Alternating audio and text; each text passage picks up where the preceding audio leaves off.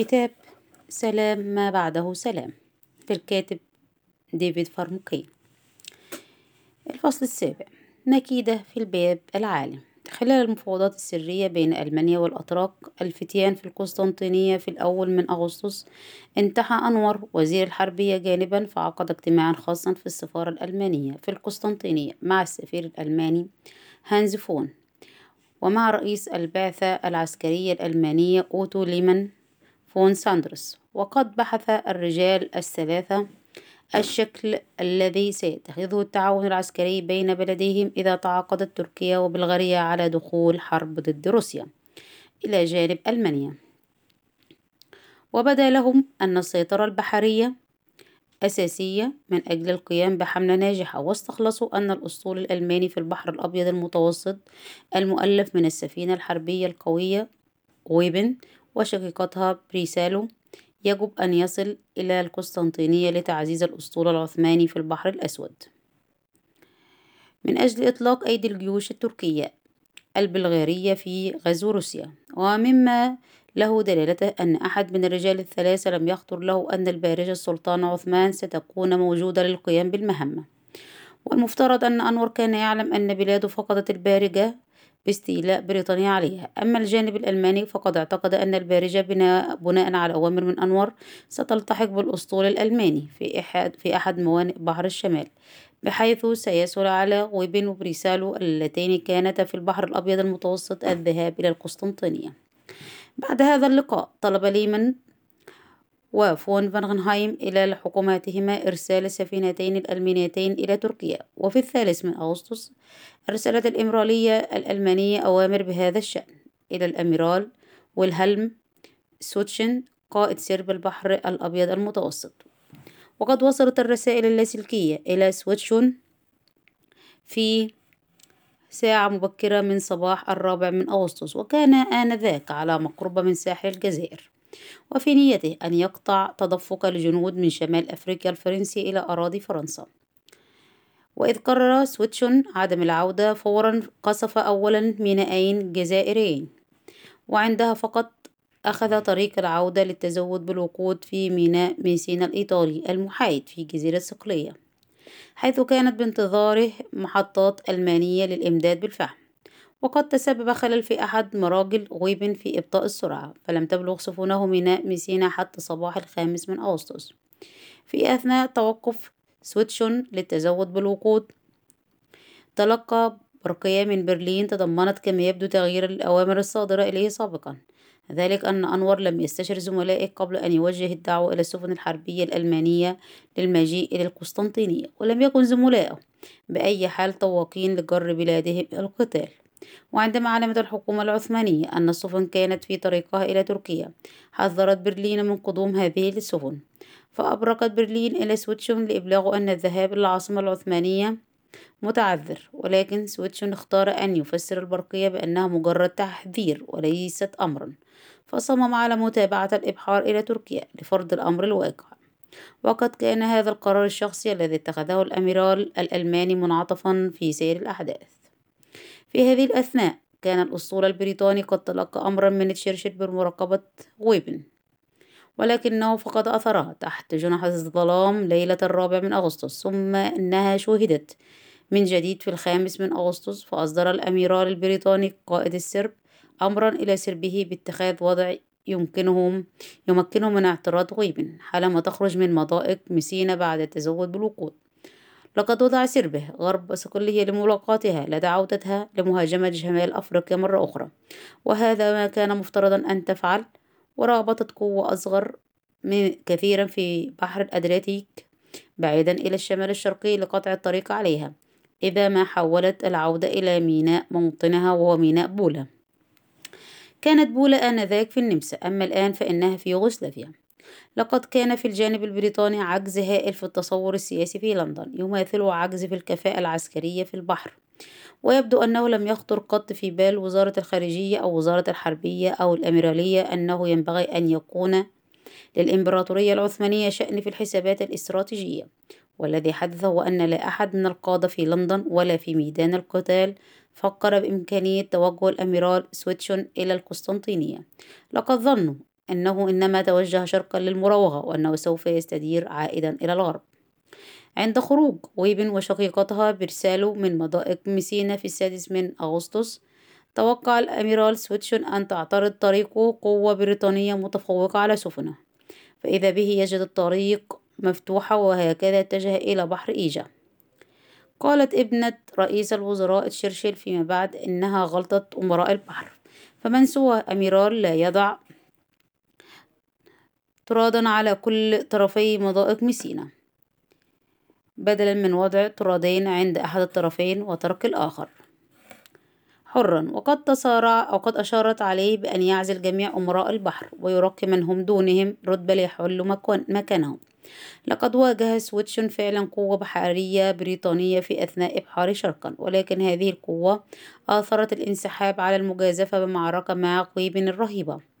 وبعد جهود خارقة من جانب الألمان وأغلاط من جانب مطارديهم الإنجليز وصلت القوى البحرية التي يقودها سويتشون إلى مدخل مضائق الدردنيل. عند الساعة الواحدة من صباح السادس من أغسطس بحث الصدر الأعظم مصير غويبن وبرسلاو مع السفير الألماني. وكانت القطعات البحرية البريطانية في البحر الأبيض المتوسط تتابع عن كثب السفينتين الألمانيتين. حتى إذا رفضت تركيا السماح لهما بعبور المضائق تقعان في الفخ بين القلاع التركية أمامها.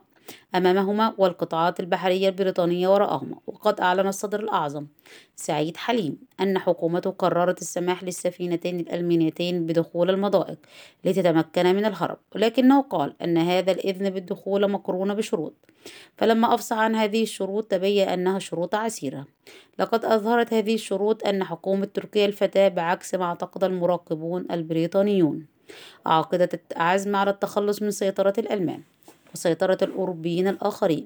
فقد طلب الباب العالي أن تقبل ألمانيا ستة اقتراحات بعيدة المدى. أولها يأتي على رأس قائمة أولويات جمعية الاتحاد والترقي. إلغاء الامتيازات الأجنبية الممنوحة حتى ذلك الحين للألمان وغيرهم من الأوروبيين. وكان بين الاقتراحات الأخرى ما يضمن لتركيا حصة في غنائم الحرب إذا ربحت ألمانيا الحرب.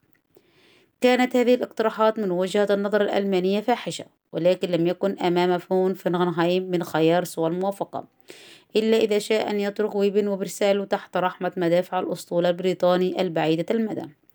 لقد تحكم به الأتراك وكأنه يتخذ قراره والمسدس مصوب إلى رأسه.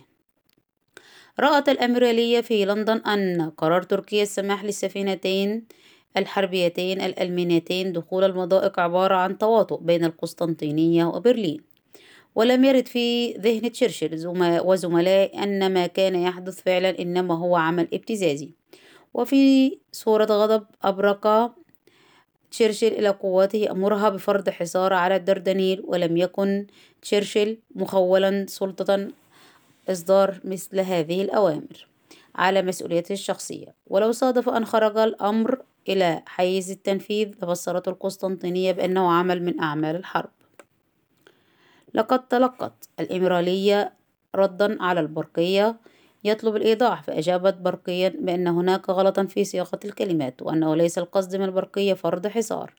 كان على السفن البريطانية بدلا من ذلك أن تنتظر في المياه الدولية ريثما تخرج السفينتين الألمانيتين احتجت بريطانيا لدى حكومة السلطان قائلة أن تركيا ملزمة وفقا لأعراف القانون الدولي وبصفتها دولة محايدة إما بإخراج السفينتين الألمانيتين أو باحتجازهما. ولكن الحكومة العثمانية لم تفعل هذا أو ذاك. بل أن هذا الوضع القانوني حفز الباب العالي إلى انتزاع مزيد من التنازلات الألمانية.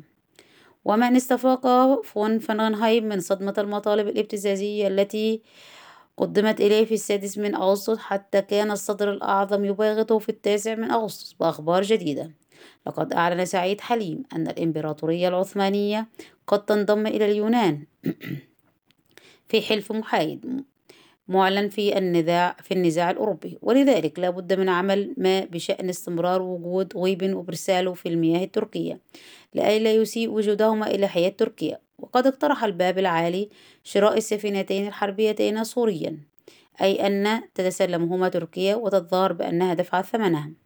وبذلك لا سبيل للاعتراض على بقائهما في المياه التركية إذ لا يكون في ذلك انتهاك لقوانين الحياد. في العاشر من أغسطس أبرق المستشار الألماني إلى فون فنغنهايم من برلين ليبلغه رفض هذا الاقتراح التركي وليحث على دخول تركيا الحرب فورا بيد أن قادة حزب تركيا الفتاة كانوا كارهين أن يورطوا الإمبراطورية في النزاع الأوروبي. وقد استدعى فون فنغنهايم في ذلك اليوم وقد استدعي فون فنغنهايم في ذلك اليوم إلى الباب العالي حيث أنبه الصدر الأعظم بكلمات تتسم بالغضب على وصول غويبن وبرسلاو قبل الأوان. وقد تجاهل سعيد حليم تواطؤ حكومته في مسألة السفينتين الحربيتين الألمانيتين فكرر اقتراحه بنقل ملكيتهما إلى تركيا ورفض فون فنغنهايم الاقتراح. عندئذ أصدرت الحكومة العثمانية من جانب واحد بيانا أعلنت فيه كذبا أنها ابتاعت الطرادين الألمانيين ودفعت ثمنهما. ثمانين مليون مارك وقد انتشر الرأي العام في سائر أنحاء الإمبراطورية بهذا البيان. وفي الرابع عشر من أغسطس أشار فون فنغنهايم وقد أصيب بالإحباط على حكومته في برلين بقبول عملية البيع إذ لا خيار آخر لأن إنكارها سيهيج عواطف سكان الإمبراطورية ضد ألمانيا وقضيتها. وقد أخذت حكومته بمشورته وهكذا تسلم جمال باشا وزير البحرية في حفل أقيم في السادس عشر من أغسطس السفينتين ونقلهما رسميا إلى الأسطول العثماني. ربما وبما أنه لم يكن لدى الأتراك الضباط والبحارة الذين يحتاجونهم لتشغيل وصيانة مثل هاتين السفينتين بما تحتوانه من أجهزة بالغة الدقة فقد كان القرار أن يقوم الألمان عوضا عنهم ومؤقتا بتشغيل السفينتين. وهكذا صدر قرار بتعيين الأميرال سوتشون قائد للأسطول. العثماني في البحر الأسود ووزعت على بحاره بحارة السفينتين ووزعت على بحارة السفينتين طرابيش وأزياء عثمانية وجرت مراسم تجنيدهم في بحرية السلطان. أما في لندن فقد رأوا في مجمل هذه الواقعة مناورة ألمانية محسوبة تهدف إلى إظهار ألمانيا بمظهر الدولة السخية التي تعوض الإمبراطورية العثمانية بتقديم سفينتين حربيتين حديثتين من طراز السفينتين اللتين ارتكبت شرشر إساءة الاستيلاء عليهما. ولا يزال المؤرخون حتى يومنا هذا يرددون هذه الرواية. لم يكن قد مضى سوى أسبوع أو أكثر قليلا على تدفق تلاميذ المدارس الغاضبين إلى شوارع القسطنطينية للاحتجاج على استيلاء تشرشل على البارجتين اللتين ابتيعتا بالأموال التي تبرعوا بها وكان قادة الحكومة البريطانية على يقين من وجود صلة بين الحدثين. وكان تعقيب رئيس الوزراء البريطاني على شراء تركيا السفينتين الألمانيتين هو أن الأتراك غاضبون جدا وهذا أمر طبيعي بسبب استيلاء ونستون على سفينتهما الحربيتين في مياهنا. بدوره صبت شرشل جام غضبه على الأتراك ففي السابع عشر من أغسطس لاحظ رئيس الوزراء أن تشرشل بمزاجه الأشد عدوانية متحمس كل الحماسة لإرسال أسطول صغير من سفن التوربيد عبر الدردنيل لتهديد غويب وشقيقتها وإغراقهما إذا اقتضت الضرورة. غير أن الرأي في مجلس الوزراء انساق وراء وجهة نظر وزير الحربية ووزير الدولة لشؤون الهند. الذين كانت حجتهما أنها مما يسيء إلى بريطانيا أن تظهر بمظهر المعتدية على الإمبراطورية العثمانية.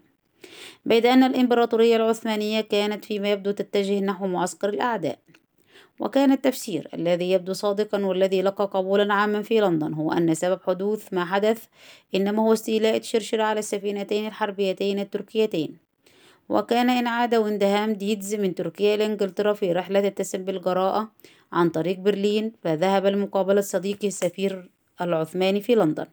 وقد اكتشف من خلال المقابلة أن هذا التفسير لم يكن فيه شيء من الصواب وأن السفينتين البحربيتين لم تكون لب المشكلة فالباب العالي قد أزعجه بطبيعة الحال الاستيلاء عليهما.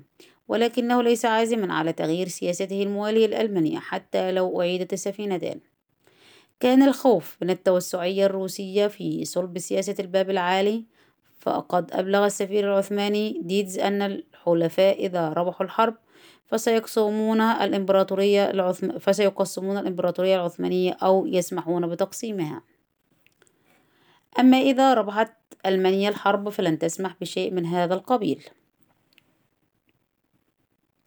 ولهذا السبب انحاز الباب العالي إلى ألمانيا وقد أنكر ديدز عزم الحلفاء على السماح بتقسيم الإمبراطورية العثمانية ولكن السفير كان قد سمع من أنور أن الحلفاء سبق أن أعطوا تأكيدات مماثلة قبل سنوات فلم يفوا بتعهداتهم بتعهداتهم. لم يذكر أنور في ألمانيا أيضا أعطت تعهدا خطيا بحماية الأراضي العثمانية فهو وزملائه ظلوا محافظين على سرية تحالف مع ألمانيا ولم يكشف عن وجوده إلا ما بعد س... يكشف عن وجوده إلا بعد سنوات عديدة. جاز ديتز من حديثه مع السفير التركي وأنذر وزير الحربية البريطاني الجديد اللورد كيتشنر بأن تركيا تنزلق إلى معسكر الأعداء نتيجة لمخاوفها لمخاوفها من نيات الحلفاء.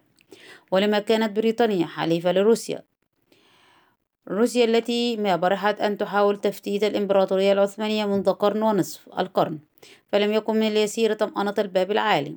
ومع ذلك فقد حث ديتز على القيام بالمحاولة. في هذه الأثناء ازداد حقد تشرشل على الإمبراطورية العثمانية ورأى أنها أصبحت أرض عدوة. وقد بلغته معلومات خلال النصف الثاني من أغسطس تشير إلى أن ضابطا ورجالا ألمان ينتقلون برا عبر بلغاريا المحايدة لأخذ مواقع في القوات المسلحة العثمانية. وفي السادس والعشرون من أغسطس أبلغ الأميرال تشرشل الأميرال ليمبوس تشرشل أن القسطنطينية تكاد أن تكون بكاملها في أيدي الألمان في هذه اللحظة. ظل تشرشل يلح على اتخاذ إجراء. وفي الأول من سبتمبر أنشأ محادثات على مستوى الأركان بين الإمرالية ووزارة الحربية لإعداد خطة هجوم على تركيا في حال قيام حرب. وفي اليوم التالي فوضه مجلس الوزراء بإغراق السفن التركية إذا غادرت الدردنيل بصحبة غيب وبرسالة. بعد ذلك أعطى هو تفويضا لقائد القوة البحرية البريطانية عند الدردنيل باستخدام فطنته بشأن إعادة السفن التركية التي تحاول الخروج من الدردنيل وحدها. وكانت هذه غلطة. لقد دفعت الأتراك إلى الرد بفاعلية مذهلة. فعلى أثر التفويض الصادر عن تشرشل أوقفت القوة البحرية زورق توربيد تركيا في 27 من سبتمبر وأرغمته على العودة. إذ كان الزورق يحمل على متنه بحارة من الألمان بما يشكل انتهاكا للحياد العثماني. وردا على ذلك أذن أنور باشا للضابط الألماني قائد الدفاعات التركية في الدردنيل أن يأمر بإغلاق المضائق وإكمال بث حقوق الألغام عبرها. وهكذا انقطعت حركة النقل البحري التجاري للحلفاء وكانت هذه ضربة قاصمة. فالدردنيل كان الممر البحري الوحيد الخالي من الجليد أمام تجارة الصادرات الروسية ولا سيما محاصيل القمح التي تنتجها. وبثمنها كانت روسيا تبتاع أسلحة وذخائر للحرب. ولو كان الحلفاء أدركوا أن الحرب العالمية الأولى سوف تتطور إلى حرب استنزاف طويلة لعرفوا أن من شأن بث الألغام التركية في المضائق أن يودي بروسيا القيصرية وأن يودي بقضية الحلفاء. كانت حرية المرور في الدردنية مضمونة بمعاهدة ومرة أخرى انتهك انتهكت السلطات العثمانية التزاماتها بموجب القانون الدولي. ومرة أخرى بدت تركيا وكأن أعمال وينستون تشرشل قد استفزتها لسلوك هذا المسلك. مع ذلك تقدم الإمبراطورية العثمانية على أي خطوة ومع ذلك لم تقدم الإمبراطورية العثمانية على أي خطوة لإعلان الحرب أن موقف العداء السلبي الذي اتخذته قد أصاب تشرشل بالحيرة والإحباط. انتهى التسجيل.